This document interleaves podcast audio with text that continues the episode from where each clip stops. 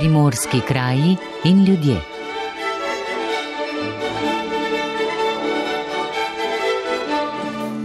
Že spet je pomlad, čas ugoden za razna čudesa.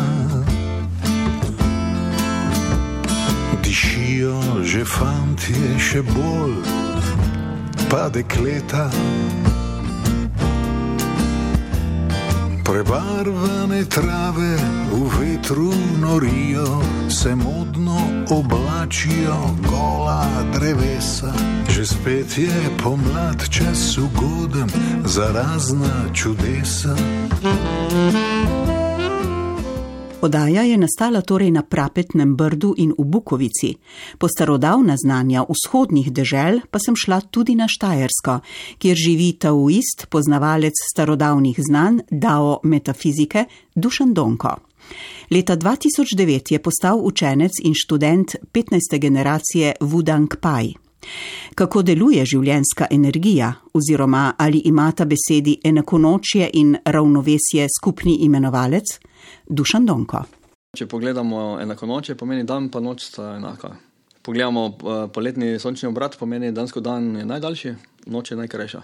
Kaj pomeni, da vidimo vedno viške letnih časov.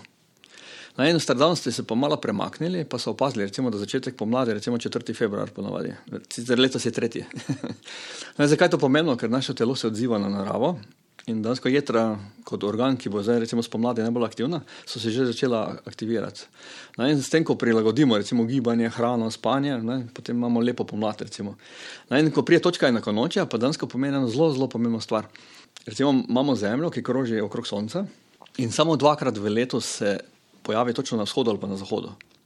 Največino, ko rečemo sončni vzhod, eh, rečemo sonce vzhaja na vzhodu, ampak sonce vzhaja na vzhodu samo v marcu ne? ali pa septembru, potem ko je jesensko. In kaj pomeni, da gledano iz zemlje, ne, pač vidimo, dansko, da sonce vzhaja pač vsak dan eno stopinjo nižje, če gremo proti poletju, ali pa eno stopinjo više, če gremo proti zimi.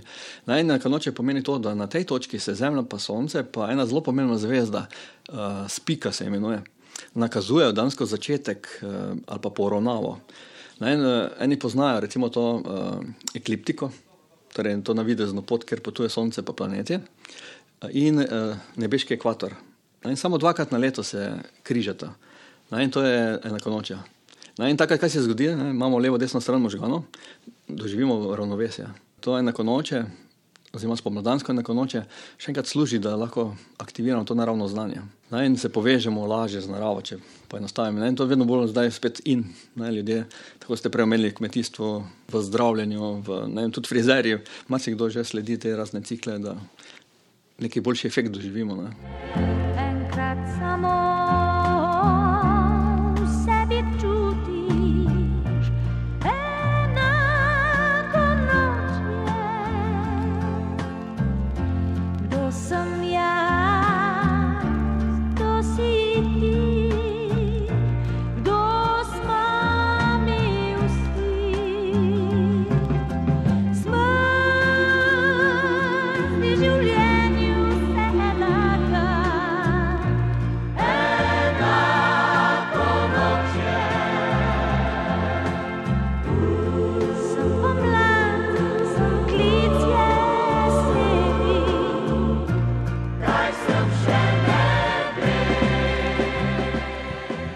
enkrat določimo opis, standard, koncept, kaj je ravnovesje, potem več ne moremo ga dosegati. Ne, ker vsakeč, ko nekdo določi nek parameter, ne moremo to dosegati na isti način.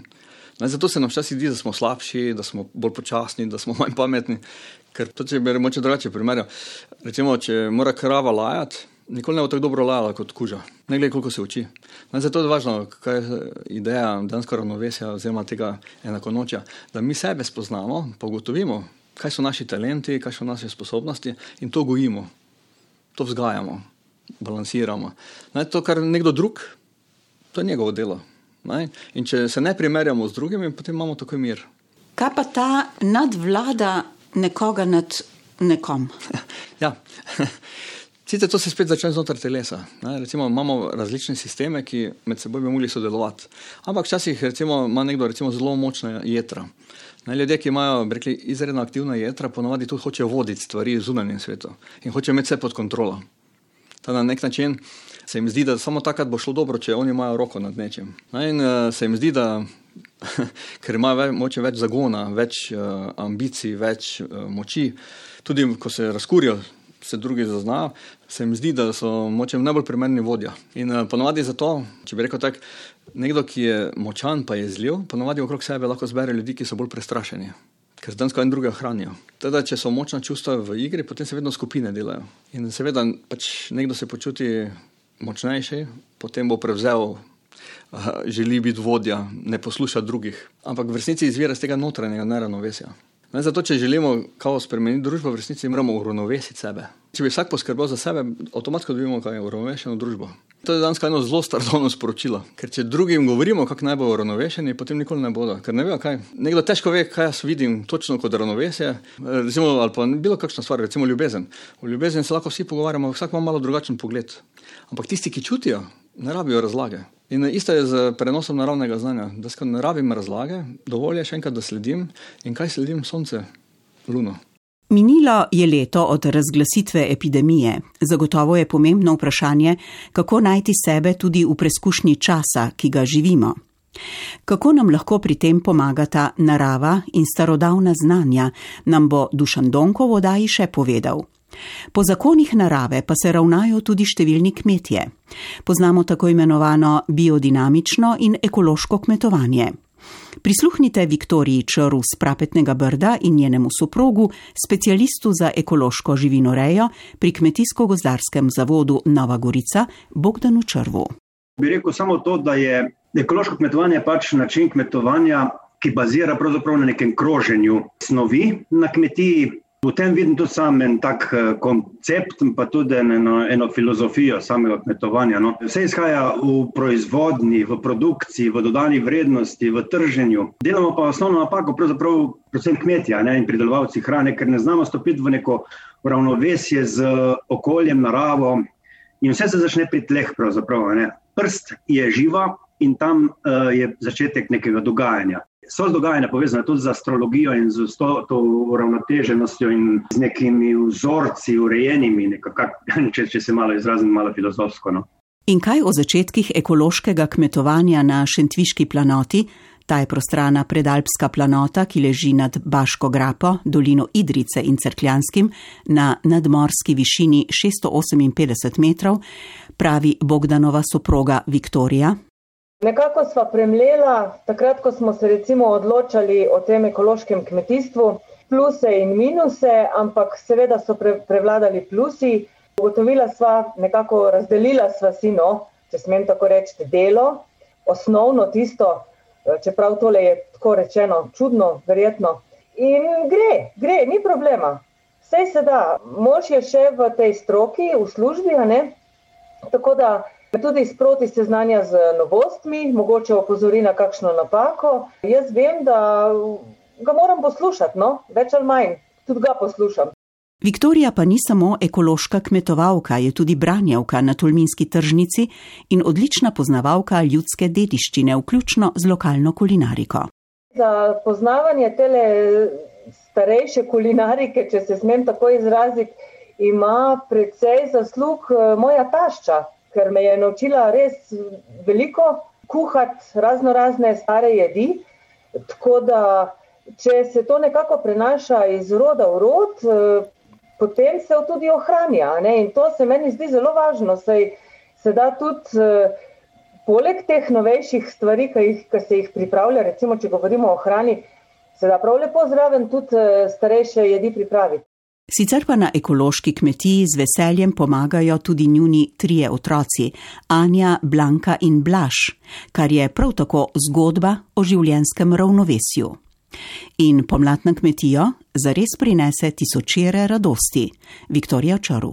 Pomlad seveda prinese neko novo energijo, neko novo voljo, neke nove cilje. Samo mi moramo biti tu na tej naši nadmorski višini res malo bolj previdni ne preveč hiteti z delom, ker se lahko zgodi, da potem nam stvari lahko tudi pomori, kašna slana, kašna pozeba. Tako da malo se moramo držati nazaj. Seveda pa je najlepše, ko začneš okrog hiše in posod na vrtu, na nivi opazovati, kako že stvari kalijo, rastejo prve rožice, trobentice in to, to je nekaj najlepšega, kar se lahko zgodi spomladi. Zdaj bomo pravzaprav začeli vrtnariti v notranjih prostorih. Jaz bom zdaj te dni najprej eh, začela sejati papriko za sadike ker jih pač nekoliko več sadim in zaradi tega, ker prodajam tudi na tržnici v Tolminu in potem so sadiki že kar velik strošek, ne, če treba vse kupiti. Eh, malo kasneje paradižnike in potem, ko se začnejo stvari zunaj malo bolj segrevati, eh, ko je že malo topleje, da lahko prepikiram tele sadike, jih odnesem v pokrit plastenjak in to so pač prva dela, ki jih imam na kmetiji. Seveda pa potem že v marcu, po drugi polovici marca, na vrtu pa najprej zasejemo kapuznice, sadik, za sadike kapuznic, ohrota, cvetač, vse take stvari. No? Tako da so sadike pri roki, ko jih lahko začnemo potem presajati sredi maja. Prej se pa tako ali tako ne splača, ker kot sem že prej rekla, na tej nadmorski višini nas lahko tudi preseneti kakšna pozeba. Sicer pa je ekološko kmetovati v hribovitem svetu težje. Kaj o tem pravi Bogdan Črv, ki je že kot mlad kmetovalec hotel razumeti zakonitosti narave, ko je krave spustil iz hleva tudi po zimi v sneg. Če sem prav pošten do sebe in do vas eh, in do vseh poslušalcev, moram priznati, da na začetku, ko sem prišel iz šole, ne, teh kmetijskih šol in fakultete, sem imel v mislih bolj intenzivno, kakor pa ekološko. Pozneje smo ugotovili skupaj, nekak, da na takih kmetijah, manjših gorskih kmetijah, eh, se z neko intenzivno proizvodnjo ne bo dalo, ne bo šlo. Ne. Smo mogli pač stopiti v ravnovesje, kar je bilo prej omenjeno, a ne z naravo in probati na nek drug način pridelati nekaj zdravega. In bolj začneš razmišljati o teh zadevah, in bolj ko razmišljaš, bolj greš v neko drugo smer, bolj se učiš tudi, bolj začneš verjeti v neke druge načine in pristope. Na tak način smo pač eh, začeli že tam nekje v zgodnih 90-ih letih, med prvimi, tudi doma, ja, ekološko kmetovati. Predvsem tu na primorskem, recimo, kjer uh, mi živimo in tudi kjer delamo, ne, v okviru tega kmetijsko-gozarskega zavoda Nova Gorica. Tu imamo pravzaprav zelo raznolike, pestre, vendar za kmetovanje uh, take kmetije, da, imajo težke pogoje. Ne. Vse se nahaja na moč z omenjenimi dejavniki. Hribi, grape, kras, burja, Po drugi strani pa, kar sem že rekel, ne precej pestro imamo ta nabor teh pridelkov razno raznih, ki jih lahko pridelujemo, ker imamo pa tako klimo, ne? od alpske trde klime, bi rekel, ostre, do primorja in morja ne? in do teh agrumov, ki jih lahko tudi pridelujemo. Enako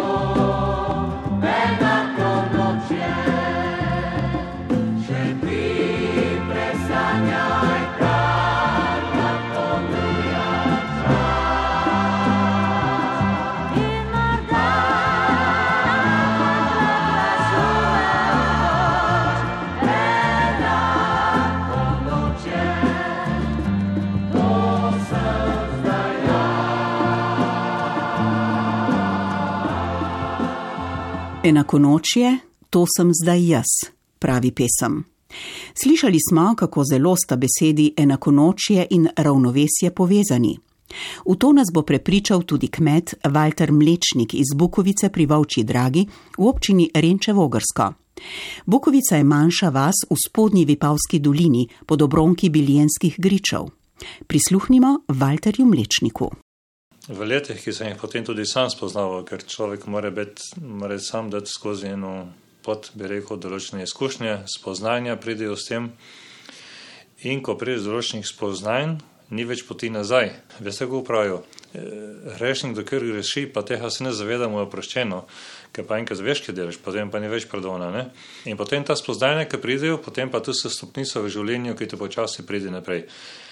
Vsak ima v sebi svoj notranji glas, ki je tvoje vodilo, ki te nekam pele, to je treba poslušati. Nikdar ne smemo početi nečesar, kar ni v skladu s tem. Vsak čuti v sebi nekaj, kar, kar je tvoje poslanstvo, kar ne bi ti delo. Potem se odloči za neko pot in tukaj potem pa s časoma prvo so ta grobi korake, pa, pa z letimi prijo ta finese, ki jih potem pili zmeraj bolj ki počasi prija že na raven subtilnega, ki niti ne moreš vsemi te stvari se pogovarjati, ampak to je važno, da, da, da, da razumeš ti. Eno glavnih spoznanj je bilo to, da če želiš pridelati, ustvariti nekaj, kar je v skladu z naravo in z nami, predvsem. Naš glavni pridelek doma je grozdje in potem kasneje vino, ne? ali pa tudi hrana, recimo, ki jo še zmeraj pridelujemo. In uh, te stvari morajo biti v harmoniji z nami.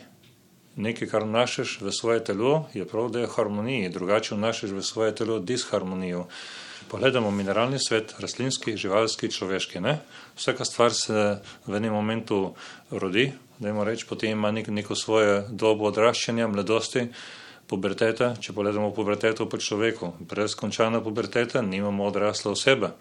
Če me ne vprašate, kar se vina tiče, vino ima tudi eno svoje obdobje, ki traja eno leto časa, ko konča pubertetno obdobje. Brez tega ne moramo imeti odraslega vina in tudi tako vino, ki ni dozorelo, ki ni po naravni poti končalo vse te osnovne naravne fermentacije, bi rekel, ni v polnosti primerno za človeško uživanje, ker ti ne prenaša neke harmonije. Ti so stvari, kar so napravljene prisilno, z nekimi željami po velikih eh, pridelkih, se pravi po dobičkih in tako naprej, s tem se odmikamo stran od neha bistva, za katerega praktično smo tukaj. Ekološki vinogradnik Walter Mlečnik je leta 2005 prejel nagrado Zlati zamašek. Podelilo mu ga je neodvisno združenje z Bavarske, ki ga sestavljajo vinski poznavalci z vsega sveta in pravijo: Zauzemamo se za trajnostno vinogradništvo v tesni povezavi z naravo in ekologijo. Vinograd, vinska trta, grozdje in vino morajo biti negovani z ustreznim upoštevanjem človeka, narave in okolja in izredno veliko zadoščenja, ko sem spoznal ljudi, ki so nam to podelili. Od tega trenutka mi, mi ta stvar izredno veliko pomeni. Ker drugače z vinami se ne udeležujemo nobenih ocenjevanj ali pa recimo to za nagrade pa te stvari. Jaz dosti krat med tem, ko si v vinogradu, ko si kjerkoli doma, imaš dosti, dosti časa za razmišljati. In v zadnjih letih je moja pohlavitna želja ta, da pri pridelavi vina, recimo, ki zapušča našo kmetijo potem v steklenicah, pa se odpira kjerkoli in tako naprej. Imam samo to željo, da bi to našo pridelavo tega vina pripeljali do nekake stopne. Jaz mislim, da nekje smo prši, ampak nikoli ni konca. Človek vedno ima še dosti, dosti za, za se naučiti in tako. Da bi to vino ljudem, ki bi ga, ki bi ga pili, da bi vzbojilo nekaj pozitivnega, da bi jim vzbojilo pozitivne misli, občutke, pozitiven odnos do ljudi, s katerimi v tistem trenutku se, da bi puščalo nek tak efekt. Ker mi se moramo zavedati, vino ni ena nujna stvar, ki jo mi rabimo v življenju, ampak je ena pa, če je to pravo, ena odlična spremljava pri jedeh, recimo, ne, nam dopolnjuje prehrano.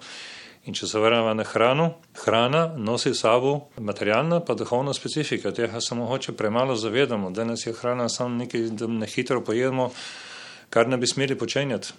Hrana je ena stvar, ki je zelo važna in če pogledamo materialna specifika, recimo služijo temu, da za rast našega telesa, celic, karkoli, materialnem vidiku, ampak duhovna specifika je hrana sabo nosi. So pa tiste, ki nam pomagajo eh, pri našem načinu razmišljanja, da nam širijo malo obzorja.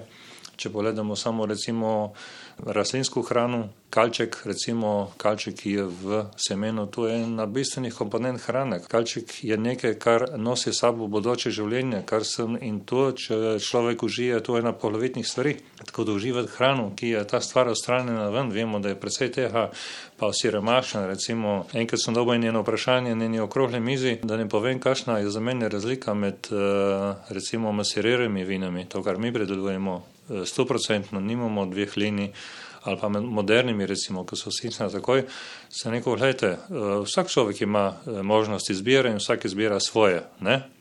Jaz za mene vem, da belega kruha ne morem več jesti, moje, moje telo, moj želodc ga ne več prebavlja, presnavlja, mi, mi naredi slabo.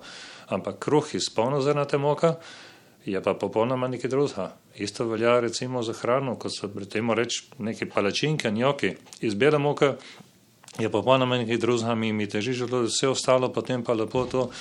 In enako je z vini. Enako je z vini, enako je z vini in vina, vino, če pogledamo tako, ni, na, ni industrijski izdelek, je pridelek in predvsem je pa satina človekova kultura. Rodijo se na travnikih sveta, vseh ras in vseh poti ki čakajo na čudežno pomlad ko našli bodo se nekje in preživljali dni, kot da so iste krvi. Pisemo pomladi in prijateljstvu, vrata, ki pred soncem se objem kar same